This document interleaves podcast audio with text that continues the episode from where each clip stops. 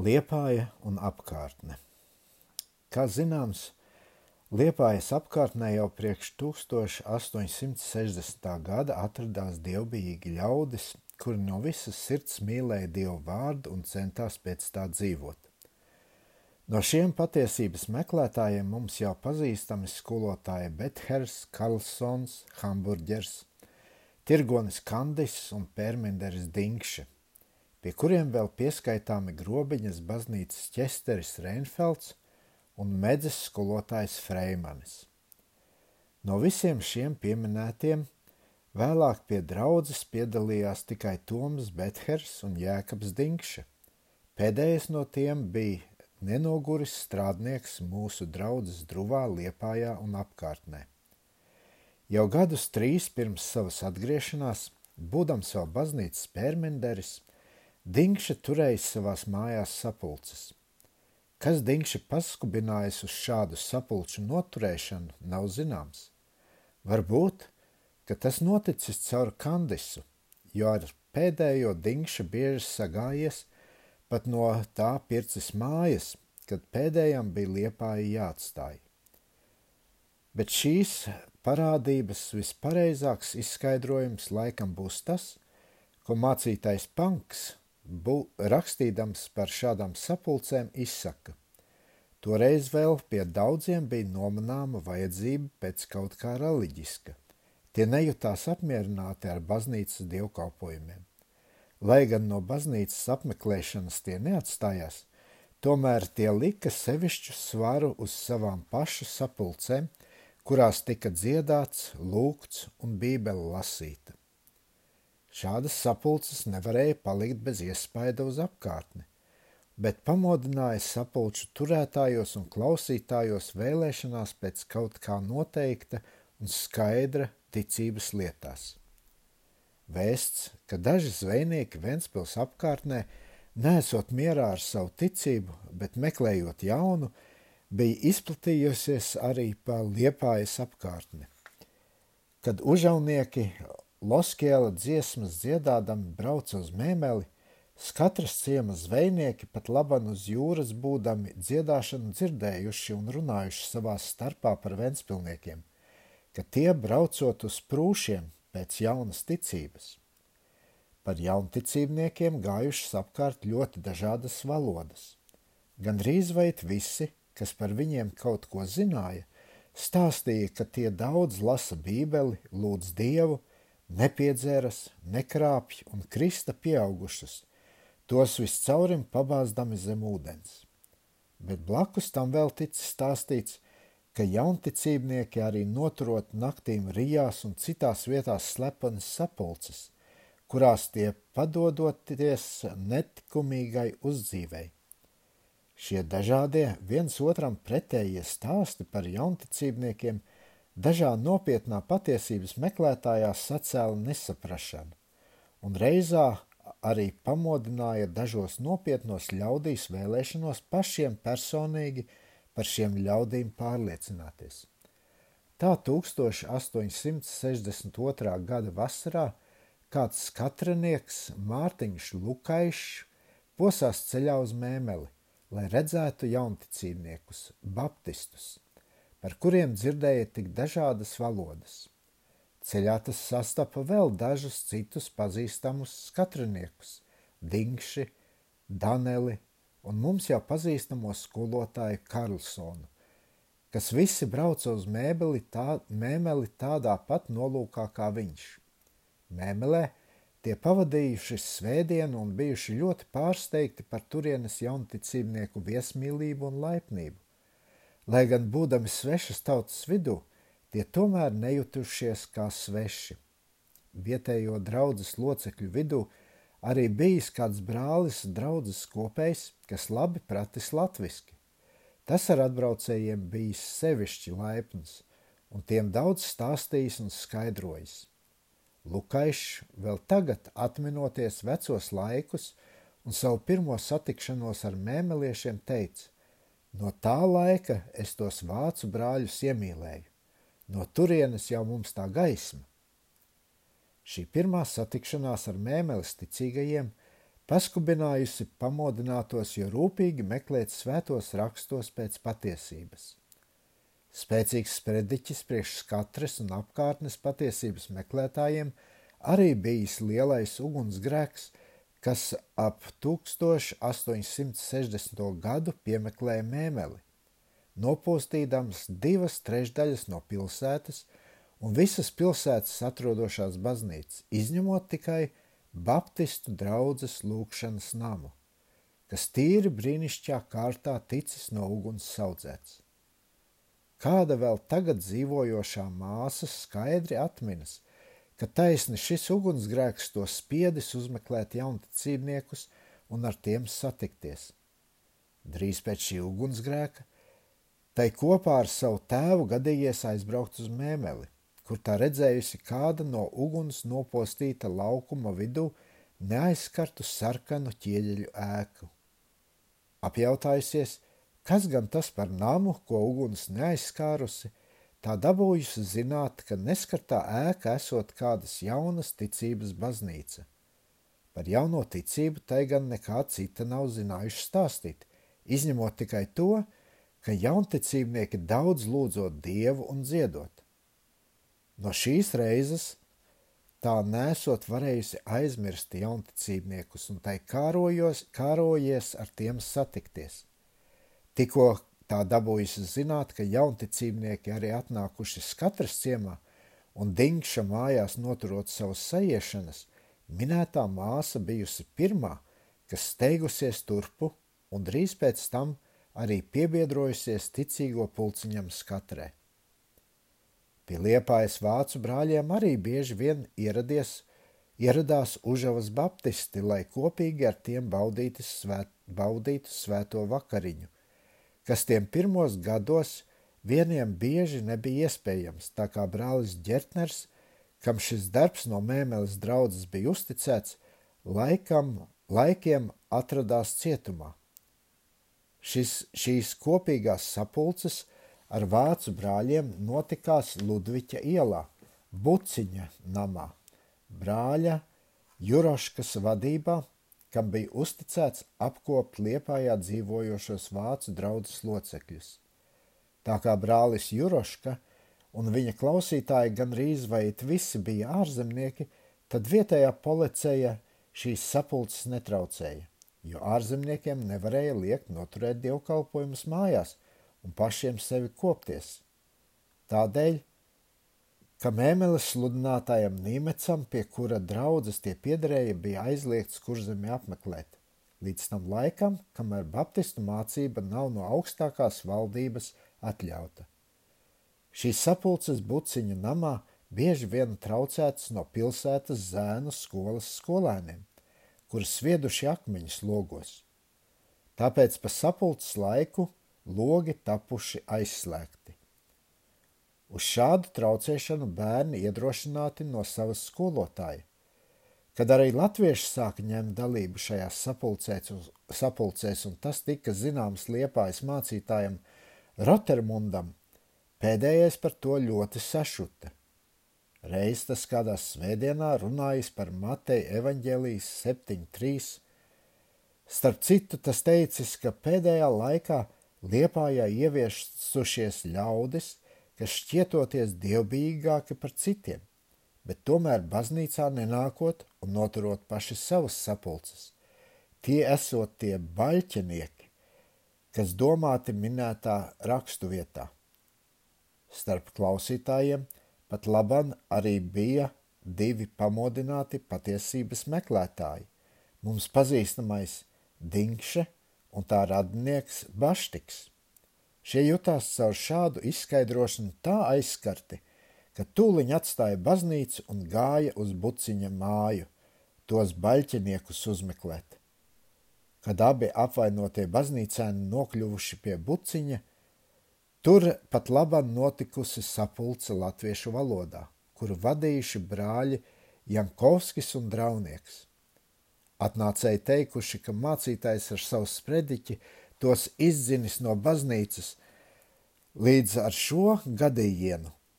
Dinkše un Baštiks atstājās no baznīcas, viņu priekšzīmēji sekojuši arī daži citi.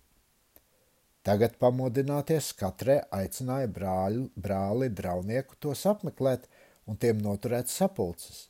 Draudnieks šo lūgumu paklausīs un vairāk reizes apmeklējis katri, noturēdams sapulces Dinkša mājās. Sludinātais vārds neatgriezās tukšs atpakaļ. Daudzas paboninātas dvēseles nāca pie pārliecības, ka tām arī caur kristību jāpievienojas tā kunga pakaļstaigātājiem. 1862. gada augustā pulciņš pārliecināto ļaužu skaitā 16 devās kājām uz mēmeli, lai tur caur kristību pievienotos draudzēji. Šo gājēju vārdi bija Jānis Baštiks, Anna Reinis, Jānis Reinis, Ilze Peņķis, Miķelis Skara, Marija Skara, Jēkabs Dinkše, Ilze Dinkše, Andrejs Adams, Katrina Adama, Jēkabs Gailis, Anna Gailis, Jānis Kaimiņš, Ilza Kaimiņš, Katrine Lukaišs, Mārtiņš Lukaišs un Mārtiņš Smiltnieks. Šī pulciņa vadonis bija jau pieminētais jauneklis Jānis Baštiks. Laimīgi sasnieguši palangu, ceļnieki griezās pie vietējās muitas valdes, lai dabūtu atvēli uz dažām dienām atstāt valsti. Bet atvēles vietā tiem paziņoja, ka no liepājas pienākusi pavēle – tos apcietināt un pārsūtīt uz liepāju. Tā arī notikās. Visi tapa apcietināti un kā arestanti sūtīti atpakaļ. Pulciņa vadonim Baštikam bija jāmēro 85 verstu garais ceļš saslēgtām kājām. Pārējie apcietinātie netika saslēgti. Vēlāk izskaidrojās apcietināšanas iemesls. Baštika vecāki – būdami ļoti nemierā ar to, ka viņu dēls taisās pāriet jaunā ticībā un nevarēdami to citādi aizturēt, bija uzdevuši grobiņas pil pilstiesai, ka viņu dēls tiem izzadzis naudu un ar to aizbēdzis uz prūšiem. Lai gan pilstiesa izklaušanājusi apcietināto un pārliecinājusies, ka vecāku sūdzība nedibināta, tomēr Baštiks paturēts vairākas dienas cietumā. Uz pilskunga jautājumu, kāpēc tas īsti gājis uz mēmeli baptistu skatīties, tas atbildējis Pāvila vārdiem: Pārbaudāt visas lietas, kas labs, to paturat. Šis notikums tomēr ticīgajos neizbiedēja, ka tie būtu atkāpušies no sava nodoma.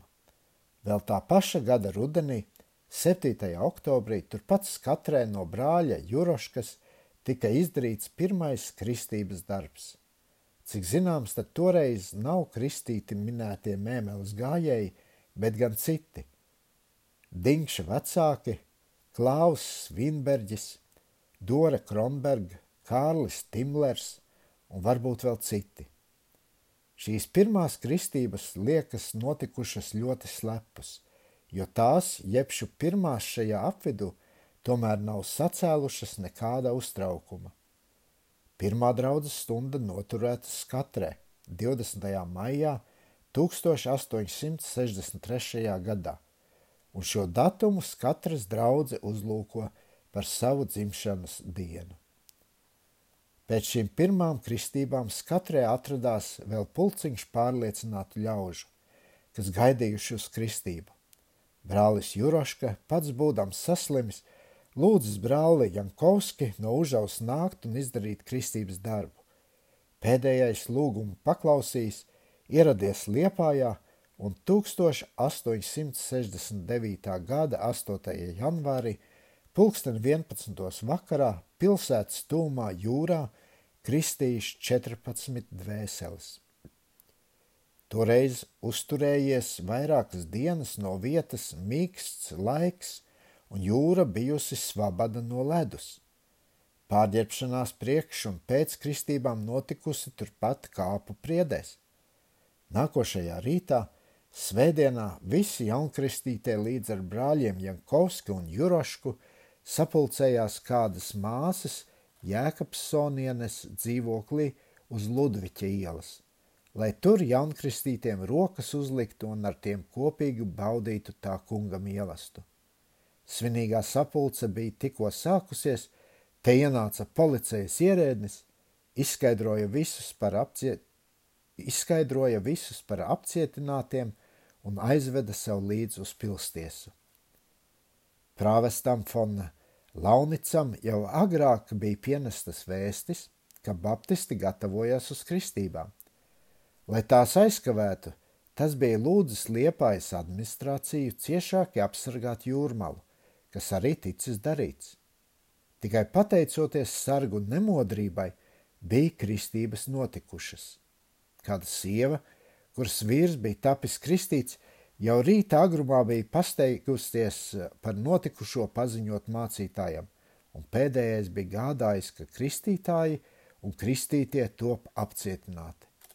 Jaunkristītos pēc divām dienām palaida, bet brāļus Jurošku, kas bija teicis kristības runu un kristības izdarītāju Jankovski paturēja cietumā. Caur apcietināšanu cieta nevien apcietinātie brāļi, bet arī to ģimenes. Juraškas ģimene, sastāvoša no sievas un pieciem bērniem, piepeši palika bez apgādnieka uz vairākiem mēnešiem. Šādos grūtos brīžos mēmeles draudze ar vienu rādījusi īstu mātes sirdi. Caur brāļa Nīmeca ierosinājumu draudze dibinājusi sevišķu kasi priekš vajāto pabalstīšanas Krievijā. No šīs kases pabalstīti nevien vajāto vācu brāļu piedarīgie, bet arī latviešu, tā piemēram brāļa ģertnera ģimene. Nedēļas trīc pēc šīm kristībām atnāca no Užavas uz grobiņu apcietinātā brāļa Jankovska vecais tēvs, lai apraudzītu savu dēlu, bet tiesa to nepielaida pie dēla. Jankovskis pat palicis grobiņā nakti, lai nākošā dienā vēlreiz ietu cietuma priekšniecību lūgt, lai ļauj ar dēlu satikties, bet tas vēlāk izrādījās par nevajadzīgu. Vakarā vecais Jankovskis ar grobiņas ticīgajiem – Sapulcējušies uz īsu lūkšanas stundu, sapulce tapa no policijas pārtraukta, un Jankovskis ar trīs vēl citiem brāļiem tapa aizvesti cietumā. Nu tēvs ar dēlu dabūja satikties kā kopēji likteņu biedri. Pārējie apcietinātie atlasī, atlaisti pēc 48 stundām, bet Jankovskis dabūjis kopā ar savu dēlu ap divu ar pus mēnešiem pavadīt cietumā kad apcietinātie brāļi no cietuma atlaisti, ataicināti uz pilstiesu visi no viņiem kristītie un tiem, no, un tiem noprasīts, vai gribot pie savas pārliecības palikt vai nē. Kad jautātie ar prieku apliecinājuši, ka to grib, tiem nav nekas darīts, tikai apcietinātie brāļi Jankovski nav tuliņ palaisti bet kā apcietināti sūtīti uz savām piedarības vietām, un brālis Juroška līdz ar vēl kādu vācu brāli Psemzertu izraidīti no Krievijas. Diņše pēdējo brālīgi pavadījis līdz robežai. Jau pirms kristības katras ticīgie sākuši krāt naudu priekš īpaša lūkšanas nama būves, un drīz pēc kristībām tajā pašā gadā – arī pārbūvēts dinkšu mājai viens gals priekš īpašas sapulces telpas. Bet ilgi viss katrs ticīgajie nedabūja priecāties savas īpašās sapulces telpās. Tikko prāvests dabūjis zināt, ka baptistiem skatrē pat īpaša sapulces vieta, tas gādājis, ka sapulce no valdības tiek aizzieģelēta un visam ciemam izdota pavēle kura aizliedz saimniekiem savās mājās atļaut baptistu sapulces noturēt. Neklausītājiem piedraudēts pirmo reizi astoņu dienu ilgs cietuma sots, otro reizi 16 dienas un tā tālāk. Tomēr šāds noteikums neizbiedēja ticīgajos. Radās saimnieki, kas atļāva savās mājās turēt dievvvārdus un tuliņ pēc tam gāja cietumā. Tāpat tā norīkots, ka sapulces notika ik svētdienas citā vietā, lai katram saimniekam iznāktu tikai reizi sēdēt. Kad visu labvēļu sētas tā bija apmeklētas, sāka atkal no gala, bet tad sots jau bija 16 dienas cietumā. Reiz sapulce noturēta Daneļa mājās, kad paša saimnieka nav bijis mājās. Tiesa piespriedusi sodu saimniecei, kura vēl nemaz nav bijusi draudzē. Vīrs dabūjis zināt, gribējis sievas vietā nosēdēt, tā kā pēdējai bijis maz bērniņš kopjams, bet tas nav atļauts un saimniece ar bērniņu ielikta cietumā. Pēc daudz meklēšanām un braukšanām uz Jelgavu zieģelis no Dinkšu mājas noņemts un sapulces atvēlētas. Pēc tam, kad telpas bija veselu pusgadu stāvējušas aizzieģelētas. Uz vietējā prāvesta rīkojumu Arī dažiem baptistu vecākiem ar varu atņemti viņu nekristīti bērni un nomest, nonesti uz baznīcu, kur nokristīti un tad atkal atdoti atpakaļ. Līdz ar 1865. gadu vajāšanas izbeidzās. Pēdējais cietuma sots tajā pašā gadā piespriests zem šādiem apstākļiem. Pie kādām kristībām Valta mājas dīķī starp citiem skatītājiem bija ieradušies divi ar lielām bozēm apbruņoti vīri - Tīde un Iniķe. Lai piekautu kristītāju dinkši, jo starp kristāmiem bija arī abu minēto vīru sievas. Kad sievām pienāca reize kāpt ūdenī, vīri grasījušies mesties starpā un kristību nepieļaut. Divi no klātesošiem brāļiem kārtībniekiem, Jānis Baštiks un Jēkabs Stenze, saturēja abus vīrus pa to brīdi, kamēr sievas kristītas. Aizturētie vīri sūdzēja, un kurzemes virspil, virspils tiesa piesprieda abiem apsūdzētiem divus mēnešus cietumu par to, ka tie kavējuši abiem vīriem to darīt, uz ko tiem kā vīriem bijušas tiesības. Līdz ar šo gadījumu sodi ticības lietās izbeigušies. Daži veci brāļi, kas paši sodīti ticības lietās, ir tajās domās, ka spaidi no valdības puses izbeigti uz tiešu ķeizara Aleksandra II aizliegumu. Tas noticis tā. Tanī pašā 1865. gadā Aleksandrs II apmeklējis Liepāju par zemes tēva apsveicējiem no vietējās mužniecības un garīdzniecības izvēlēti barons Fornolde un prāvests von Launits. Būdami abi ļoti nīgri baptistu pretinieki, tie gribējuši izlietot gadījumu, personīgo tikšanos ar caru – un lūguši pēdējo, lai atļauj pret baptistiem izlietot stingrākus administratīvus apspiešanas līdzekļus, bet cars šādu lūgumu atraidījis un visus spaidus noliedzis. Lielākais baptistu pretinieks Liepājā un apkārtnē bijis prāvests von Launits. Viņš vairākas reizes atklāti apgalvojis savai draudzēji, ka kamēr viņš par prāvestu būs, tikmēr baptistu viņa draudzē nebūšot. Privātās sarunās prāvests šīs domas daudzreiz izteicis šādā teikumā: Tad, lai es par krāsni palieku, ja manā draudzē kāds baptists ieviešas.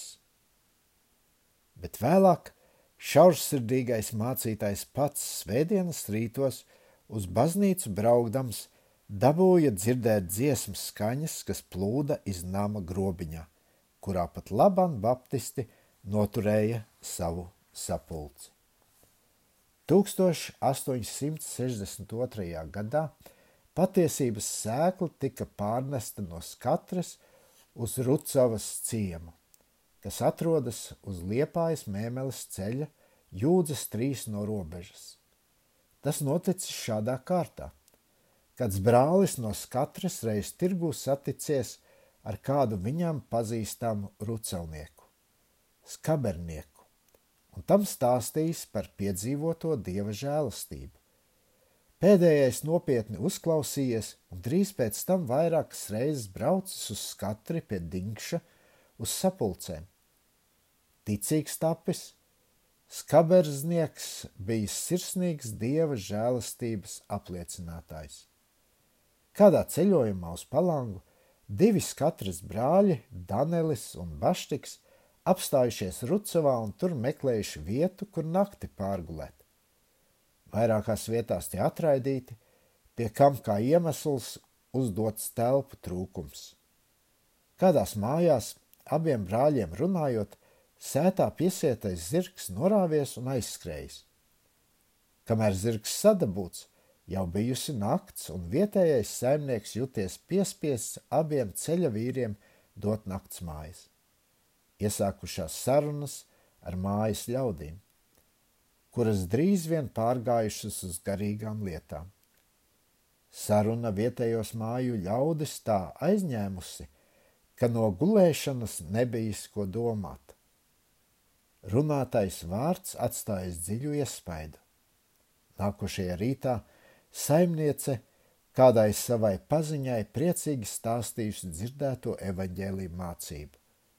Drīz pēc šīs negaidītās satikšanās vietējie pamodinātie lūguši katras brāļus tiem sūtīt kādu, kas tos apmeklētu un nestu tālākā atzīšanā. Lūgums paklausīts, un kad sūtītais brālis nonāca Rucavā, tad daži no pamodinātiem bija jau tik tālu nākuši, ka griezušies pie atnācēja ar cietuma sarga jautājumu: Ko man būs darīt, lai es mūžīgi dzīvoju? Saņēmuši atbildi, tie arī nav kavējušies tai paklausīt. Pirmās sapulces noturētas pie brāļa Peses Reiz tur sapulcē atnācis kāds no vietējiem saimniekiem vārdā Krulis un lūdzis, lai nākošo svētdienu noturot sapulci pie viņa. Drīz vien pa visām mājām izplatījusies vēsts, ka nākošo svētdienu pie kruļa būšot baptisti. Gaidītā svētdiena pienākusi, un kruļa mājas bijuši, pi, bijušas pilnas klausītāji. Arī vietējais mācītājs centies ātrāk nobeigt savu dievkalpošanu, lai ierastos kruļa mājās. Kā sludinātājs bija ieradies brālis Valns Jaunģelšs no skatras.